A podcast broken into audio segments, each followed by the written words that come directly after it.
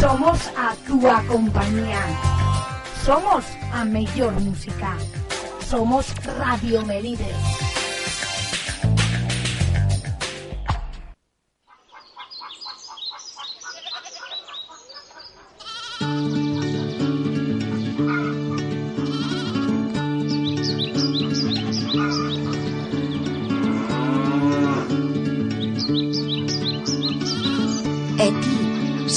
volves ao rural, por que non ficas a traballar nel? Hortas Conciencia, programa de horticultura e agricultura en Radio Melide. Os martes damoslle unha voltiña á horta e compartiremos coñecementos sobre a agricultura desde un punto de vista técnico e práctico. Hortas Conciencia con Óscar Antón Pérez. Herba, hay que ir buscar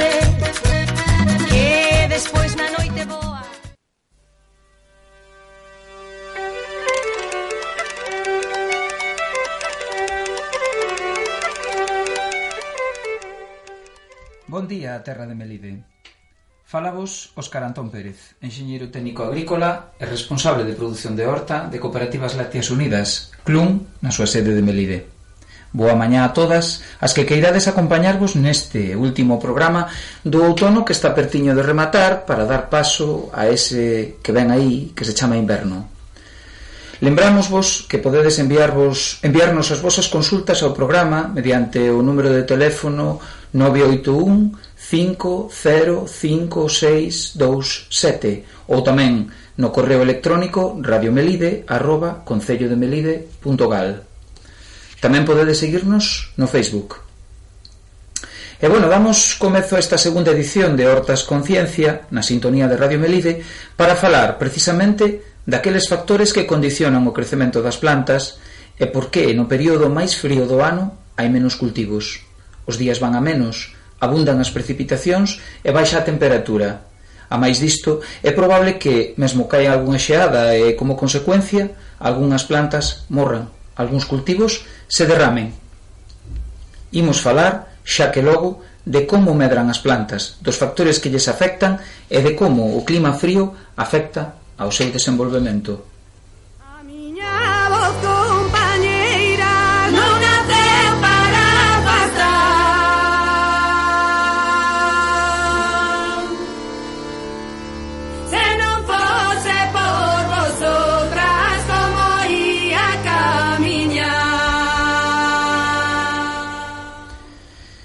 Porque, que é o que fai medrar unha planta? A grandes rasgos, unha planta crece pola acción de factores que se consideran abióticos, é dicir, que non están vivos, pero a presenza deles ten unha importancia fundamental no desenvolvemento vegetal. Estes factores son a luz, a temperatura, a humidade, a disponibilidade de certos componentes químicos presentes no chan e no aire que normalmente relacionamos coa fertilidade. Pero unha planta tamén crece debido á presenza de factores bióticos, é dicir, factores vivos que provocan que poida absorber a auga, nutrirse, reaccionar coa luz. Estes factores xa están presentes na semente e funcionan durante toda a vida do vexetal. Entre eles, un dos máis importantes é a xenética, pois dela dependen aspectos como o desenvolvemento da raíz, a posición e a forma das follas, a cor e a posición da flor, a forma na que se procesan os azúcares e a cantidade destes, como será o froito, etc. Para simplificar un pouco, a xenética dispón para onde ten que sair a raíz e para onde as follas. É dicir, o crecemento dunha planta débese en grande parte á xenética, pero o que ela diga non abonda sen os factores do entorno que coa súa presenza activan os procesos químicos da mesma. Así, Unha semente agromará como mande o ADN da planta, pero se por exemplo non hai auga no entorno que entre en contacto e a hidrate ou con certa escuridade ou certa frecuencia na luz, a semente non xerminará. Isto danos algunhas chaves para entender a xerminación e o desenvolvemento vexetal. Para comezar, ten que haber quen dirixa a obra e logo dispor de factores que lle axuden. Para entendérmonos, E simplificando un pouco o conto, nun organismo vivo funcionan tres cousas de modo principal: os azúcares e as graxas, as proteínas, hormonas e demais, e a xenética.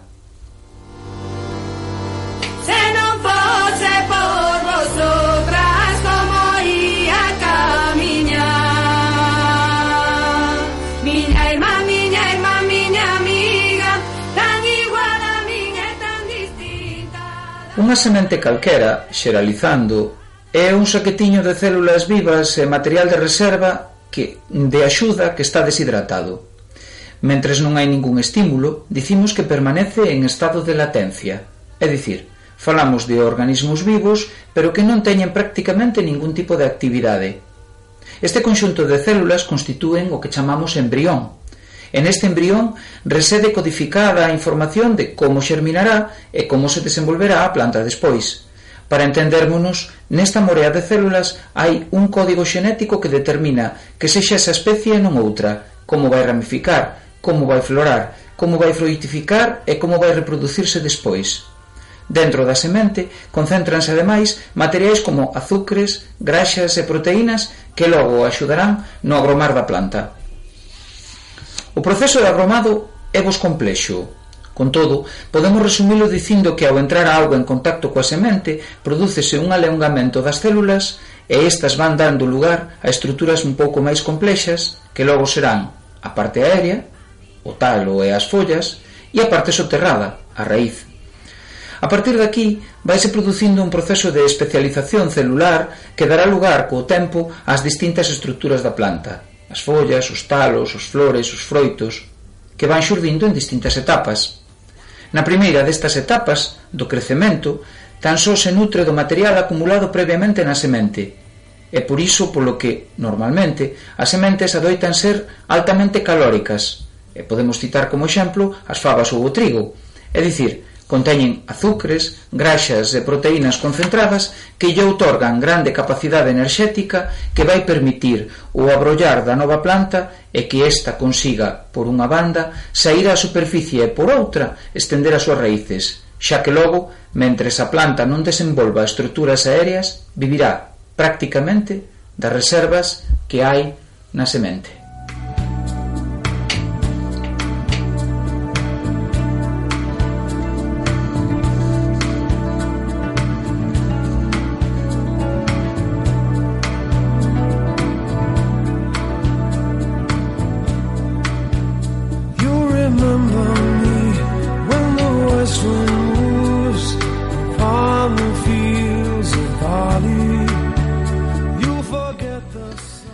Pero logo, que é o que acontece para que medre unha planta?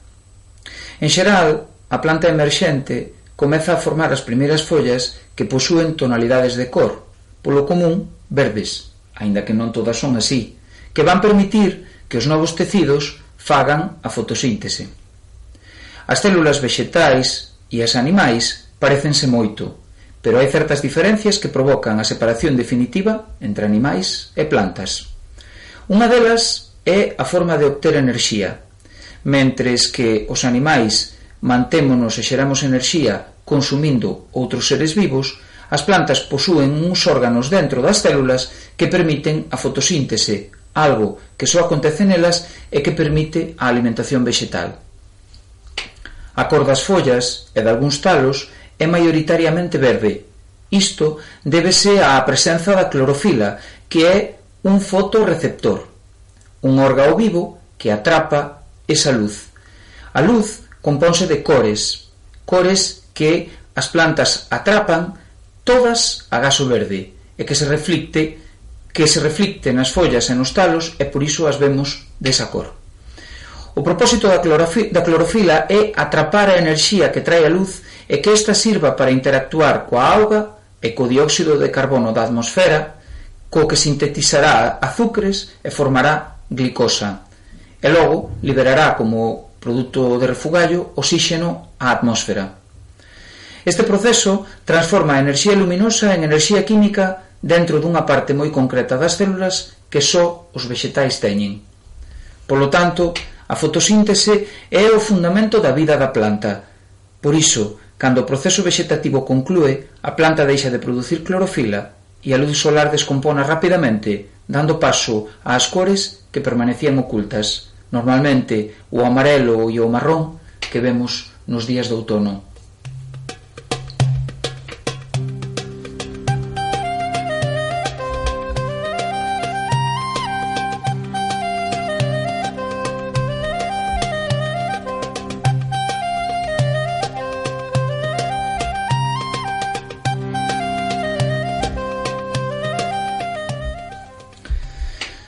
os factores que influen no crecemento e desenvolvemento das plantas e, polo tanto, dos cultivos é a temperatura. Polo xeral, as temperaturas altas aceleran os procesos químicos que teñen lugar nas plantas. Todos os procesos, todos, adoitan ser máis rápidos a medida que sube a temperatura. Pero, ollo, isto non sempre se cumpre directamente.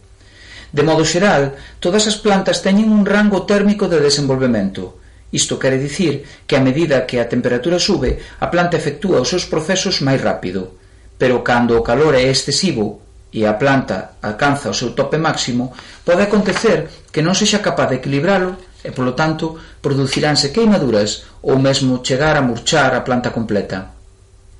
Isto é ben coñecido para quen teña invernadoiros. O efecto destes é precisamente provocar un alzamento térmico. Agora ben, Se a ventilación é deficiente, se non se move o aire arredor, normalmente as plantas adoitan sufrir estrés por calor. O estrés por calor adoita estar detrás do proceso de caída da flor en verán, que é moi frecuente en cultivos como o tomate, o pemento ou a xudía, así como queimaduras na folla da leituga ou mesmo a seca e a caída dos froitos.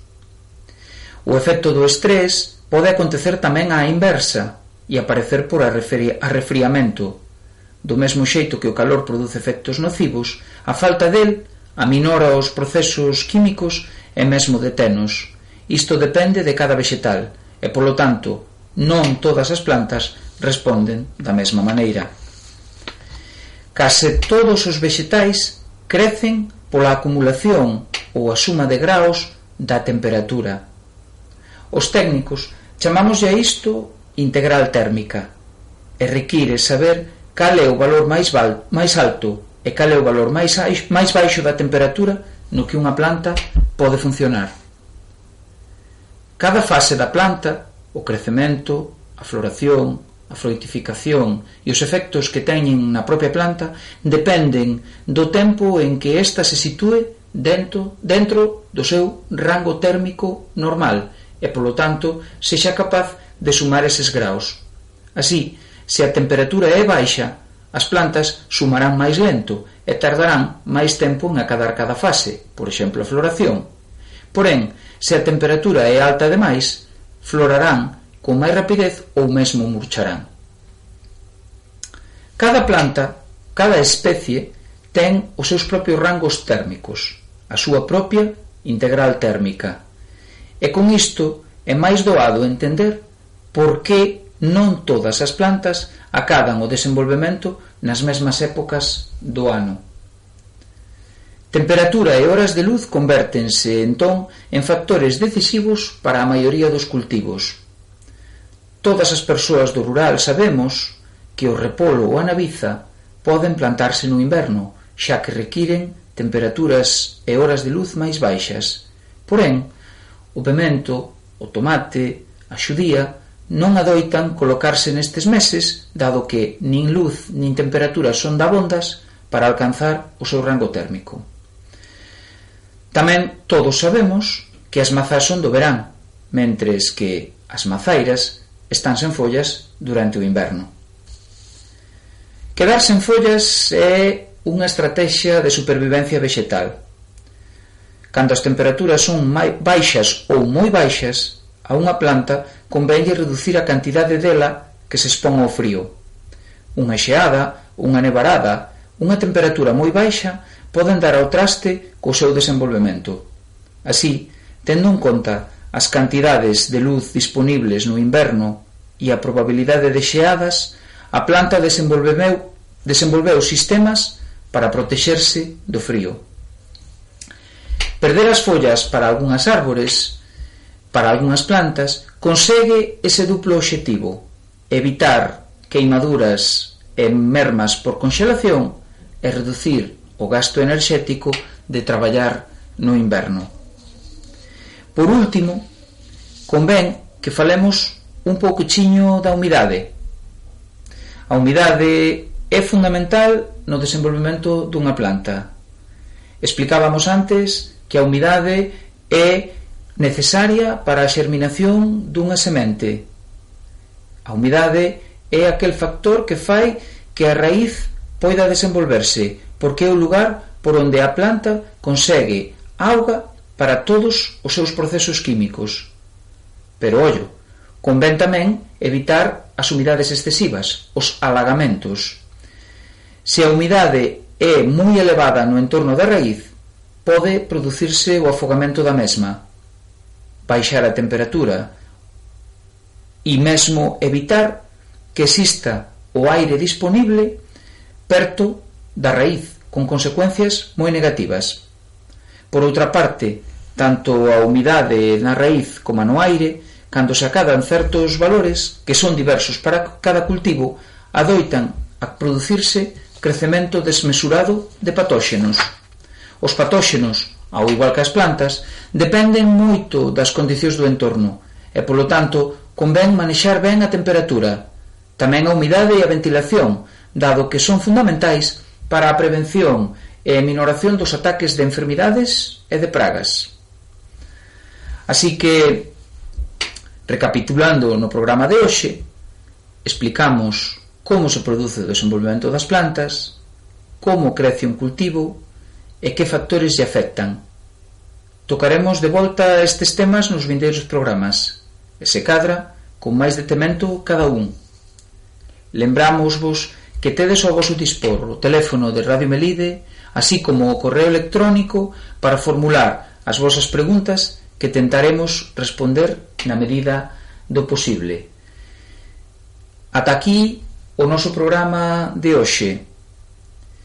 Recordámosvos que no 981-505-627 e en radiomelide arroba concellodemelide.gal podedes achegarnos as vosas dúbidas, comentarios e outros factores ou outras cuestións que queirades plantexar. Mil grazas pola vosa atención e lembrade que estaremos aquí cada 15 días os martes de 12 menos 20 a 12 horas na sintonía de Radio Melide Un saúdo Terra de Melide, boa tarde e moi felices festas.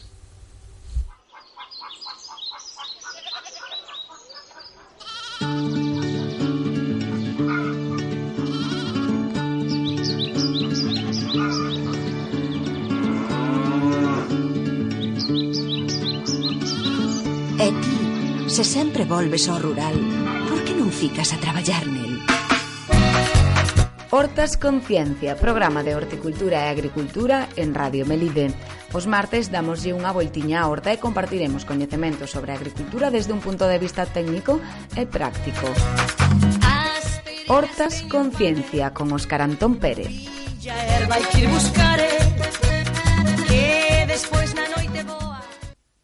Radio Melide, 107.1